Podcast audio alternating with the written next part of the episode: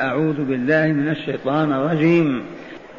إن الله يأمركم أن تؤدوا الأمانات إلى أهلها وإذا حكمتم بين الناس أن تحكموا بالعدل. إن الله نعم ما يعظكم به. إن الله كان سميعا بصيرا. يا أيها الذين آمنوا أطيعوا الله وأطيعوا الرسول وأولي الأمر منكم. فإن تنازعتم في شيء فردوه إلى الله والرسول إن كنتم تؤمنون بالله واليوم الآخر. ذلك خير وأحسن تأويلا. معاشر المستمعين والمستمعات من المؤمنين والمؤمنات. قوله جل ذكره إن الله يأمركم. يامرنا لأننا عبيده ولا يستقيم أمرنا إلا على طاعته بامتثال أمره واجتناب نهيه إن الله يأمركم بماذا؟ قال أن تؤدوا الأمانات إلى أهلها. يأمركم بأي شيء؟ بأن تؤدوا الأمانات إلى أهلها. الأمانات جمع أمانة وكل نسائنا ورجالنا عربنا عجمنا يعرفون الأمانة. الأمانة ما اؤتمنت عليه ووضع في جيبك أو في بيتك أو في صدرك وقيل لك احفظ هذا حتى تسلمه لي يوم أحتاج إليه. احفظ هذا حتى آتيك في يوم من الأيام وأقول أعطني ذاك الذي ائتمنتك عليه. وقد يكون الائتمان على قول أبلغتك هذا أسمعتك هذا نبأتك بهذا وهو أمانة في عنقك. لا تخبر به أحدا. أبدا. وجب عليك أن تحافظ على هذه الأمانة ولا تطلع عليها زوجة ولا أبا ولا أحد. أمانة والرسول يقول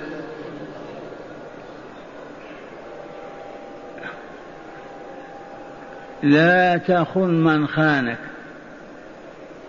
وأد الأمانة لمن ائتمنك. الآن بالصورة العامة عرفنا إنسان ترك سيارته عندك أو ناقته أو ثوبه أو سيبه أو قلمه وقال احفظه حتى أعود ماذا يسمى ذاك الشيء؟ أمانة. ويجب أن تحافظ عليه وتحفظه. اللهم إلا إذا أخذ منك قسرا أو أخذ منك نسيانا وأنت لم تفرط. أد الأمانة إلى من ائتمنك ولا تخن من خانك. فأداء الأمانة فريضة الله لأن الله أمر بذلك. إن الله يأمركم بماذا؟ أن تؤدوا الأمانات إلى أهلها. يغيب صاحب الأمانة عشرين سنة. ويأتي وتقول تفضل. أمانتك عندنا. فإن ضاعت قسرا وقهرا لا شيء عليك. فإن أضعتها لأنك غير مبالي ولا ملتفت, ملتفت ولا مهتم وأخذت أنت ضامن. لأنك فرطت في حفظها. أما مع الاستعداد الكافي والعزم الصادق على ألا تضيع هذه الأمانة فإذا ضاعت فوق إرادتك فلا شيء عليك. القاضي لا يقضي عليك بأدائها لأنك مؤتمن. وهنا إن شاء الله هذه الأمانة ما منا أحد إلا وهو يحافظ عليها. لكن هناك أمانة للملك جل جلاله وعظم سلطانه. يا ويح من أضاعها وفرط فيها. إن كان عاجزا مقهورا لا شيء عليه. أما مريدا مختارا فيا ويحه ما هي أمانة الملك جل جلاله؟ هذه الواجبات وهذه المنهيات. أمانة أودعها عندنا فلنحافظ عليها. واقرأوا قوله تعالى إنا عرضنا الأمانة على السماوات والأرض والجبال فأبين أن يحملنها وأشفقن منها وحملها الإنسان إنه كان ظلوما جهولا. السماوات والأرض والجبال خافت. ما نستطيع يا ربنا. لا تحملنا هذه الأمانة. وقال ابن آدم هاتها وإذا به ضيع. إلا من شاء الله. لما قبلها وأطاعها لأن فيه غريزتين. غريزة الظلم والجهل. فمن عالج هاتين الغريزتين فأصبح غير ظالم وعالما غير جاهل لا تخف عليه. وهناك أيضا مرضان عجيبان ألا وهما الظلم والكفر. وكان عمر يدعو الله ويقول اللهم اغفر لي ظلمي وكفري. إن الإنسان لظلوم كفار. وهناك غريزة طامة وعامة وهي أنه إذا شعر بالاستغناء طغى وارتفع. كم علة كم مرض؟ خمسة. الظلم الكفر الجهل الطغيان عند الشعور. أيوة. هل هناك في القرآن مرض آخر؟ يا أهل القرآن. هذا هلع يا قاموس.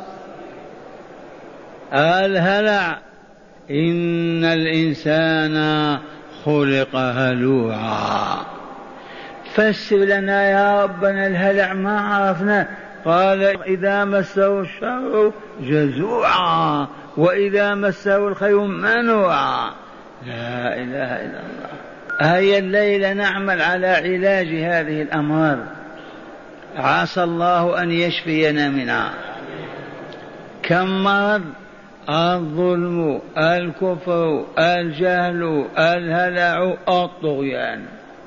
الطغيان قال تعالى إن الإنسان لا يطغى متى أن رآه استغنى. إن الإنسان ابن آدم أبيض أو أصفر لا يطغى متى؟ لما يرى نفسه قد استغنى.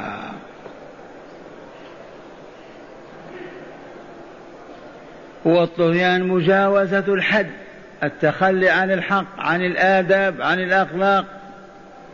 الظلم الاعتداء. إن الإنسان خلق كيف؟ آلوعا. الهلع. فسر الله تعالى لنا الهلع وإلا نحتار في الهلع هذا. فقال تعالى في بيانه إذا مسه الخير من إذا مسه الشر جزوعا. الجزع الصياح الضجيج الغضب أنا كذا. لا يعرف آمنت بالله ولا يعرف الصبر والاحتساب ولا إن لله وإنا إليه راجعون. فقط شوك شاكة يبيت يسرى. أهل القرية يدوخهم طبعه هذا. إن الإنسان خلق هلوعا. إذا مسه الشر جزوعا كثير الجزع. وإذا مسه الخير منوعا. أي كثير المنع. وهذا مشاهد ومجرب. وهناك يا معاشر المستمعين يا من يجدون في طلب الهدى. أعلمكم أن هناك وصفة طبية. طبيب الأطباء ومعلمهم وضعها ذات ثمانية أرقام. من استطاع أن يحفظها ويعمل بها يتخرج من أكثر الناس شفاء. لا ظلم لا جهل لا كفر لا طغيان لا جزع لا منع. لو اجتمع علماء النفس كلهم إلى جانبهم علماء الطب لعلاج هذه الغرائز والله ما استطاعوا. ولا قدروا على ذلك. ولكن الله غارز الغرائز وطابع الطبائع هو الذي يقدر على علاجها فوضع لنا وصفة طبية ذات ثمانية أرقام أول وثاني وثالث استعملها في صدق ومن الخير أن تستعملها تحت إشراف طبيب ماهر أما الذي يستعملها بدون طبيب أحيانا ينجح وأحيانا ما ينجح. ينجح في دواء وما ينجح في الثاني. عرفتم؟ إذا استعملتها تحت إشراف طبيب عليم حكيم نجحت بإذن الله. وإن لم تجد الطبيب أو ما أحببت أن تجلس بين يديه وتتعلم أمرك إلى الله. عسى أن تنجح وعسى ألا تنجح. هيا بنا إلى الأرقام الثمانية. قال تعالى إن الإنسان خلق هلوعا. هذا إخبار من الخالق ولا لا؟ في من يقول لا لا لا, لا ما هو هلوع؟ ما الهلع هذا إنه إذا مسه الشر جزوع بالغ النهاية في الجزع يغضب يسب يشتم كما تشاهدون يطلق المرأة. الجزع فقد ضاعت الدابة يهول الدنيا. لأنه مريض وما عالج. ما هو من نفسه من مرض. وإذا مسه الخير منوعا كثير المنع. ثم قال تعالى في بيان الدواء إلا المصلين الذين هم على صلاتهم دائمون. هذا رقم واحد. الذين يديمون الصلاة ولا يقطعونها ويؤدونها في أوقاتها بشرائطها تنتج لهم مادة النور وبها يبصرون الحسن والقبيح. هذا رقم واحد. المفرطون في الصلاة المهملون لها التاركون لها والله لا المرض معهم ولن يستطيع أحد أن يزيله. هذا الرقم سهل وإلا صعب. الحمد لله. ثانيا إلا المصلين الذين هم على صلاتهم دائمون. والذين في أموالهم حق معلوم للسائل والمحروم. الذين يعترفون بوجوب الزكاة وأنها حق الله وأهلها من سماهم الله هذا الذي يقوم بهذه الوصفة الزكاة. بحمد الله تعالى الشح والبخل والسرقة كلها تنقشع وتزول. الذي ينفق أمواله في سبيل الله يسرق معقول هذا الكلام؟ ينفق ماله يتملق إلى الله ويتزلف فيضع في أيدي البهاليل الفقراء والمساكين هذا يخون يكذب؟ والله ما كان. انتهى ذاك النوع من المرض. لا شح ولا بخل ولا اعتداء ولا ظلم. ما هو معقول ينفق ماله في سبيل الله ويسرق. مجنون هو هذا؟ لما أنفق ماله وأعز إليه من أجل أن يرضى عنه ربه كيف يعصيه إذن في نفس المال؟ هذا الرقم ذو أثر كبير لا تنسى. وهو المداومة على الصلاة والثاني الإنفاق مما رزق الله. والذين في أموالهم حق معلوم للسائل الذي يسأل والمحروم الذي ما يسأل لحيائه واحتشامه. ثالثا والذين ارفع صوتك والذين يصدقون بيوم الدين. هذا رقم ذو أثر عظيم الذي يصدق بيوم القيامة وما يجري فيه وما يتم للبشرية من إسعاد أو شقاء بعد الحساب الدقيق الذي يوم بهذا اليوم ما يجزع ولا يمنع. بالإضافة إلى الأرقام الآتية والسابقة. لا تقول هذا رقم يكفيني. الطبيب إذا أعطاك ثلاث أدوية لو تقول أنا نستعمل هذا فقط يقول لك ما ينفع هذا الدواء. لا بد من أن تستعملها كلها. ويحدد لك المقاضي والكميات ولا لا والأزمنة والظروف وإلا ما ينفع. هذا الرقم وهو والذين يصدقون بيوم الدين. يؤمنون إيمانا كاملا باليوم الآخر. يوم الدين هو يوم الجزاء ولا لا؟ هذه الدار دار عمل أو دار جزاء؟ اجيبوا دار عمل. ومتى نتقاضى أجورنا؟ يوم القيامة. هذه الدار يا عباد الله يا إماء الله دار العمل.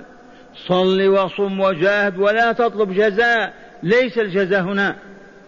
واصل عملك حتى تنفض يديك وتدخل قباك وتلقى. إذا والذين يصدقون بيوم الدين والدين الجزاء على العمل. وهذا الذي نقوم به دين وإلا لا؟ صلاتنا صيامنا رباطنا جهادنا. دين كذا ولا لا؟ نجزى به وإلا لا؟ فهو جزاء. وشيء آخر يا إسماعيل دين لأن الله خلقنا ورزقنا وحفظنا وعافانا وخلق كل شيء من أجلنا. له حق علينا ولا لا؟ ما هذا الدين الذي علينا أن نعبده؟ الدين عبادة وهو دين. ولكن يوم الدين هو يوم الجزاء يوم القيامة. رابعا والذين هم من عذاب ربهم مشفقون. هذا الرقم عالي وغالي. والذين هم من عذاب ربهم مشفقون. ما يقدرون على أن ينغمسوا في باطل من القول أو العمل خوفا من عذاب الله. مشفقون خائفون. يهم بالشيء ويخاف من الله ويترك قد يمد يده ثم يذكر عذاب الله فيسر ينظر يخاف عذاب الله. دائما مشفق دائما طول حياته. هذا الرقم ذو أثر عظيم ولا لا؟ صاحبه ما يسرق ما يزني ما يلوط ما يفجر ما يكذب ما يكفر. منين يأتي وهو خائف؟ فهذا الرقم رقم عظيم. والذين هم من عذاب ربهم مشفقون خائفون ترتعد فرائصهم تجل قلوبهم. إذا ذكرتم بالله وجلت القلوب وذرفت العيون الدموع واقشعرت الجلود لأن إيمانهم سليم. صحيح. هذا الرقم الخامس. الرابع. وهو الذين هم من عذاب ربهم مشفقون. لما؟ إن عذاب ربهم غير مأمون. ما ندري. وإذا النيران اشتعلت في ديارنا. ما يدري نعم. ما يدري وأن عدوا صب رصاصه وبلاه علينا. ما ندري وأن وباء انتظمنا كلنا. ما ندري. عذاب الله مأمون؟ من عنده ضمان عام كامل ما يمرض؟ آه. لو عرف هذا إخواننا من غمسوا في الملاذ والشهوات والأهواء والمزامير ما عرفوا آمنون. إن عذاب ربهم غير مأمون. من يؤمنك؟ هذا الرقم أعظم. تعليل لما هم مشفقون من عذاب الله؟ لأن عذاب الله غير مأمون. ما هو فقط يوم القيامة؟ قد ما تصل إلى بيتك وتمزقت. إن عذاب ربهم غير مأمون تعليل للرقم الخامس أو الرابع. والذين هم من عذاب ربهم مشفقون. لماذا؟ لأن عذاب ربهم غير مأمون. ما يدري الإنسان ما يحل به غدا أو الآن بعد دقيقة. فلهذا هم دائما خائفون من الله. فلا يسبون ولا يشتمون ولا يعيرون ولا يسخرون ولا يضحكون ولا يأكلون أموال الناس ولا ولا ولا خائفون. وإن رأيت تقيا حقا ذا علم فاعلم أنه متأثر بهذه الأرقام الثمانية. علمها وطبقها ونفذها. خامسا والذين هم لفروجهم حافظون. كما يحافظون على أموالهم وأعراضهم وأبنائهم وأولادهم وأزواجهم يحافظون على فروجهم.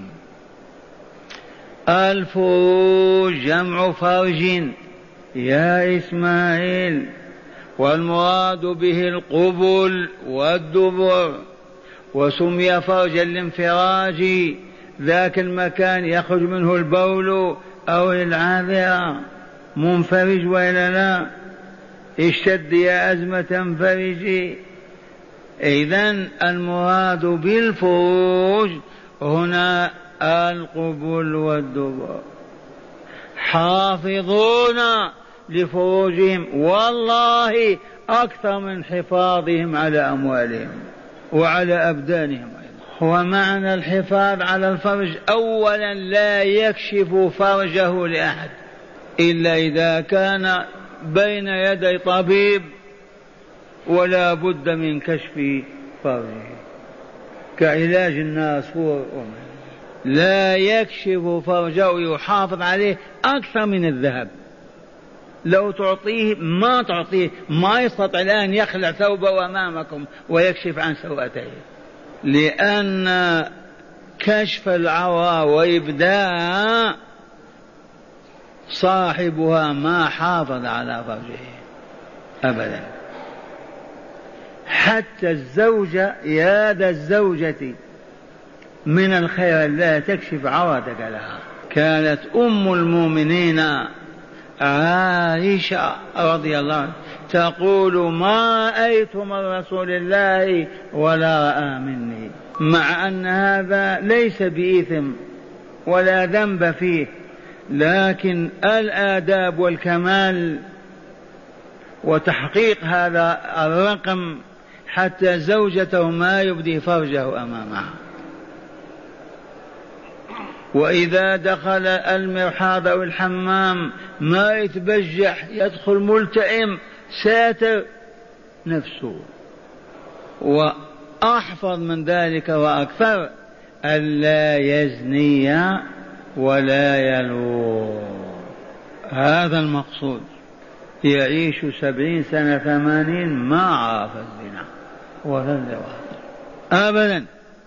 حافظ لفرجه منصبا. والذين هم لفروجهم حافظون. صاحب هذه لن يكون لصا ولا خبيث ولا مجرما وهو يقاوم شهوته وغريزته ويعيش السنين عزب ولا يقدم على أن يبدي فرجه أو يضيعه. لولا إيمانه يفعل هذا فهذا رقم عظيم. والذين هم لفروجهم حافظون اللهم إلا على أزواجهم أو ما ملكت أيمانهم. الأزواج جمع زوج. المرأة لها زوج والرجل له زوج أيضا. والآية عامة في الرجال والنساء. إلا على أزواجهم أو ما ملكت أيمانهم. وهنا المرأة لا دخل لها. فالرجل إذا ملك جارية بيمينه أعطيها في جهاده أو اشتراها بنقده له أن يطأها. رحمة بها وشفقة عليها. أما المرأة إذا ملكت عبدا لا يصح أبدا أن تمكنه من نفسها وتقول هذا عبدي أنا أملكه. إياك أن يتصرف إليك هذا المعنى. إلا على أزواجهم أو ما ملكت أيمانهم من الجواري لا من العبيد. أو يقول هذا عبدي يلوط به. اعلموا أن المراد من هذا الجواري جمع جارية. المرأة التي أصبحت ملكا لك لأنك اشتريتها أو أخذتها في قسمة الغنيمة يوم غزونا البلاد الفلانية. إلا على أزواجهم أو ما ملكت أيمانهم فإنهم غير ملومين.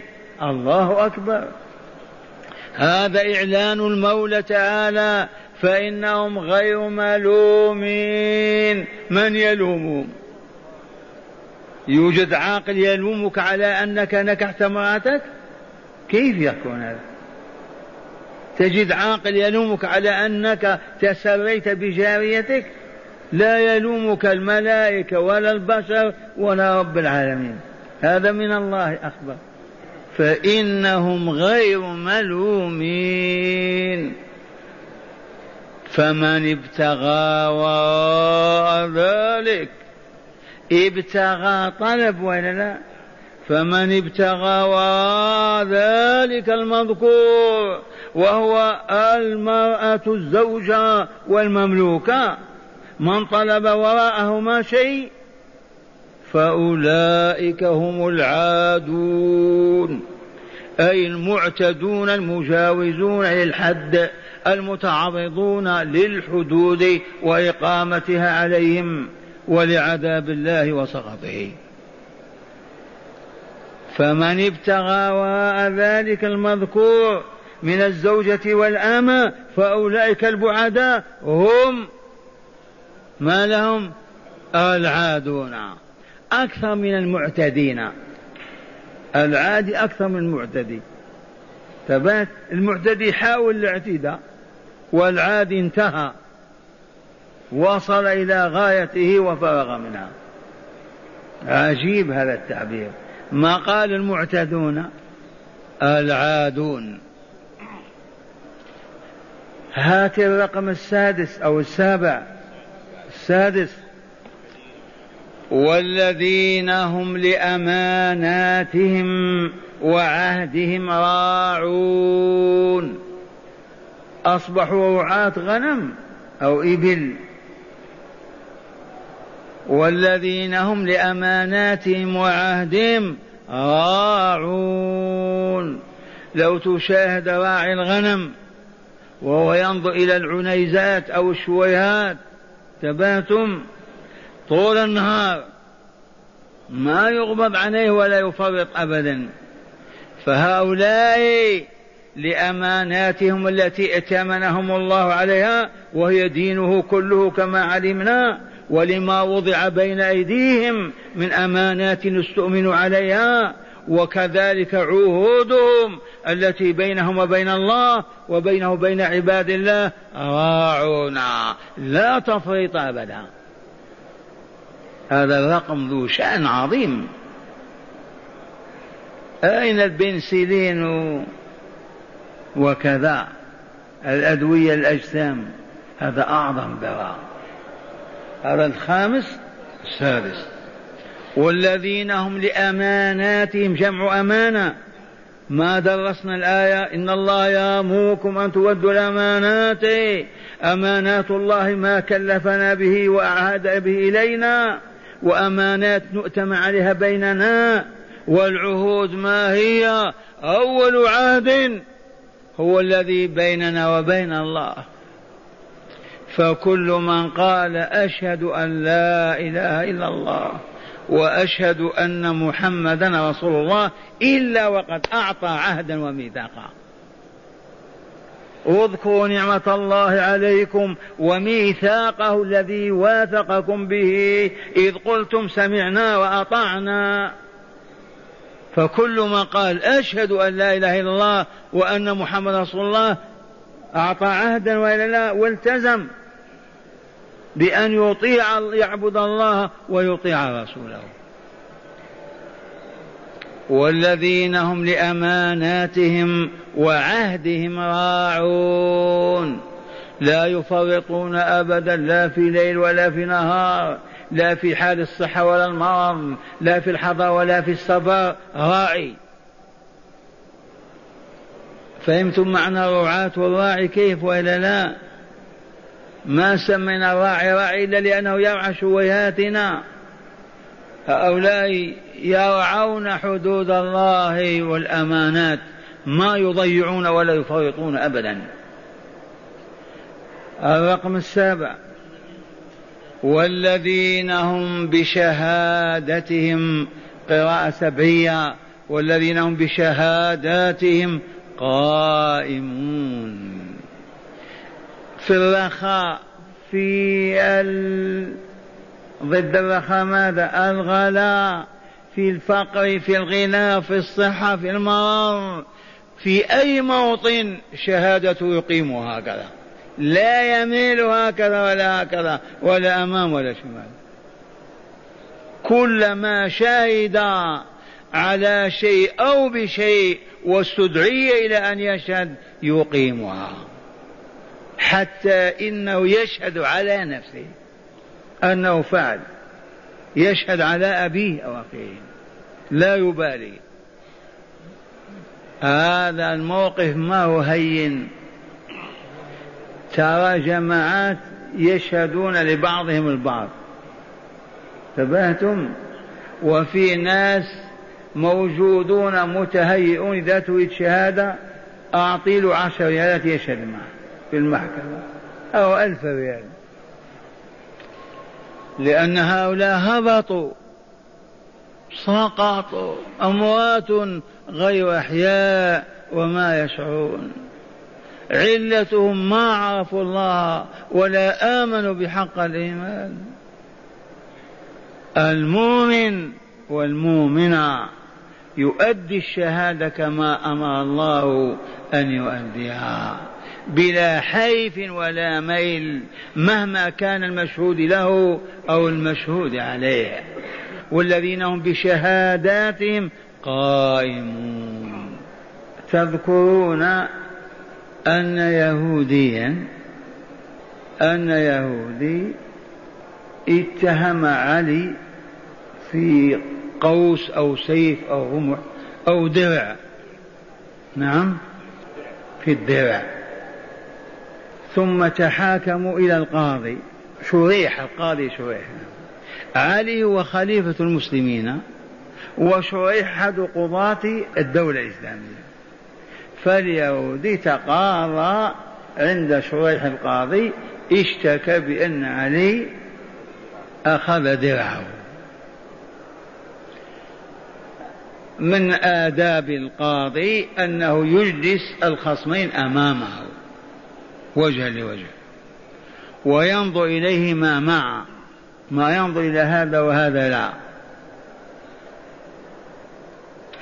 وحتى صوته إذا تكلم ما ينخفض مع هذا ويرتفع مع هذا. العدل. إذا كيف تدعي أن الدرع لك؟ من يشهد لك يا علي؟ ماذا قال يشهد الحسن والحسين؟ المهم اليهودي انبهر. خليفة المسلمين يتقاضى ويطلب منه القاضي من يشهد. فيقول ابني فيقول الابن لا يشهد على الأب. اطلب شاهد آخر.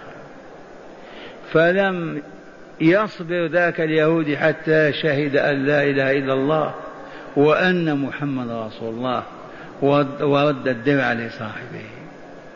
والشاهد عندنا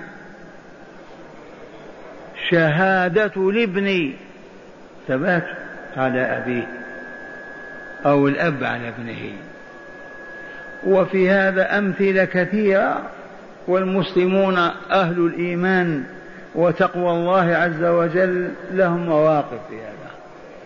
والشاهد عندنا في هذا الرقم الخطير والذين هم بشهاداتهم قائمون. الرقم الثامن والأخير. والذين هم على صلاتهم يحافظون. بدأ بالرقم الأول الصلاة وإلا لا وختم بالرقم الثاني وإلا لا. وما بينهما ثمرة الصلاة وإقامتها. فالذي لا يؤدي الصلاة لا خير فيه بالمرة ولا يحصل على استعمال رقم من أولئك. والذي يضيع الصلاة ما يحافظ عليها لا يؤديها في أوقاتها في بيوت الله مع المؤمنين لا يخشع ولا يرتعد ولا يبكي. يقع في المهاوي ويسقط في المهالك. هل عرف الأبناء والإخوان هذه الوصفة الطبية؟ من الطبيب هذا؟ الله. هل في الإمكان استعمال هذه بدون طبيب؟ قل من ينجح. فلا بد إذا من أن نجلس بين يدي المربين حتى نتعلم ونعرف كيف نصلي كيف نزكي كيف كيف. أما أن نستعملها بعيدا عن إشراف طبيب قل من ينجح. وهنا إن عدم الجهل ولا لا استعمال هذه الأرقام بالعلم إذا إن عدم الجهل وإذا ذهب الجهل وحل العلم انفتح باب الانفراج إذا نعود إلى الآية الكريمة يقول تعالى إن الله يأمركم أن تؤدوا الأمانات إلى أهلها. يروى أن سبب نزول هذه الآية وقد يكون كذلك وقد يكون نزلت في المدينة وليست في مكة والرسول ذكرها استشهادا بها. يقولون لما فتح الله على رسوله والمؤمنين مكة في السنة الثامنة من هجرة الحبيب صلى الله عليه وسلم. السنة الثامنة. ودخل ومعه اثنا عشر ألف مقاتل من الأنصار والمهاجرين. واستسلم أبو سفيان الحاكم العام في مكة واستقبل الرسول خارج مكة وأعطاه وسام لم تعرف الدنيا نظيره. ادخل أبا سفيان وأعلن أن من دخل دار أبي سفيان فهو آمن. ومن دخل المسجد الحرام فهو آمن. الله أكبر. إذا دخل الرسول صلى الله عليه وسلم مكة وإذا برجالات قريش قد شمعوا في الحرم وطأطأوا رؤوسهم. ينتظرون حكم رسول الله فيهم وهم مستوجبون للقتل. وقف أمامهم وقال يا معشر قريش ما تظنون أني فاعل بكم؟ قالوا خيرا قال اذهبوا فأنتم الطلقاء. قالوا أخ كريم. وابن أخ كريم. اذهبوا أنتم الطلقاء. لما يستقل إقليم من أقاليم المسلمين عاصرناها يبحثون من هو الذي كان يتعامل مع الاستعمار؟ ما الذي كان يذبحون يذبحون يذبحون؟ لأنهم ما سمعوا ما قال الرسول. اذهبوا فأنتم الطلقاء لأننا حكمنا وسدنا والآن نحق الحق ونبطل الباطل. وهرب مجموعة. قالوا لن نستطيع أبدا أن نرى محمدا. يعفو عنا ويقتلنا. على رأسهم خالد بن من? عكرمة بن أبي جهل. مات أبو جهل فخلف عكرمة في كل صفاته من الغش والمكر. إذا قال ما نطيق أن أصاب حرص وأبايعه هرب إلى جدة. وجد سفينة تريد أن تقلع فركب وأبحرت. لما أبحرت السفينة قال ربانها يا معشر الركاب الشحنة قوية والسفينة عاجزة عن مواصلة السير. فماذا تريدون؟ إذا افزعوا إلى الله لا ينجيكم من الله. يا الله يا الله قال معكري ما أنا هربت من هذه الكلمة. ما نريد نسمعها. فما دام لا بد من أن ندعو الله وحده والآن نرجع إلى محمد. والله ترجع بنا إلى الشاطئ. فرجع الربان بالسفينة وهبط خالد ومن ثم يجري حتى احتضن رسول الله صلى الله عليه وسلم وقبل يده. نحن هربنا من التوحيد وإلا لا يلحقنا حتى في البحر. إذا نعود أحسن إلى رسول الله صلى الله عليه وسلم. إذا لما أراد الرسول صلى الله عليه وسلم أن يدخل الكعبة ليصلي فيها نافلة طلب المفتاح من عثمان بن طلحة الحجبي. أعطاه المفتاح فتح البيت وصلى ركعتين ووجد فيها صور قال أزيلوها. ما خرج حتى أزيلت. صور لإبراهيم وإسماعيل. فالعباس رضي الله عنه عم رسول الله صلى الله عليه وسلم. ما طمع قال أعطني المفتاح ليكون من أهل السدانة كما هو من أهل السقاية. فتلا رسول الله صلى الله عليه وسلم هذه الآية.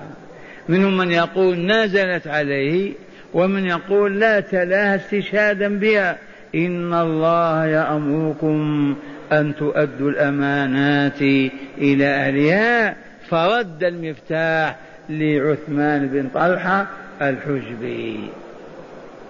الحجبي والحجبي يعني حاجب البيت. هكذا قيل في سبب نزول الآية والعبرة بعموم اللفظ لا بخصوص السبب. معاشر المستمعين عرفنا الأرقام الثمانية. نعمل بها ونطبقها ونستشير الأطباء أي العالمين من الفقهاء حتى نؤديها كما هي. وحينئذ فنحن آمنون من الجهل من الكفر من الظلم من الطغيان من الهلع. وأصبحنا أصحاء والحمد لله.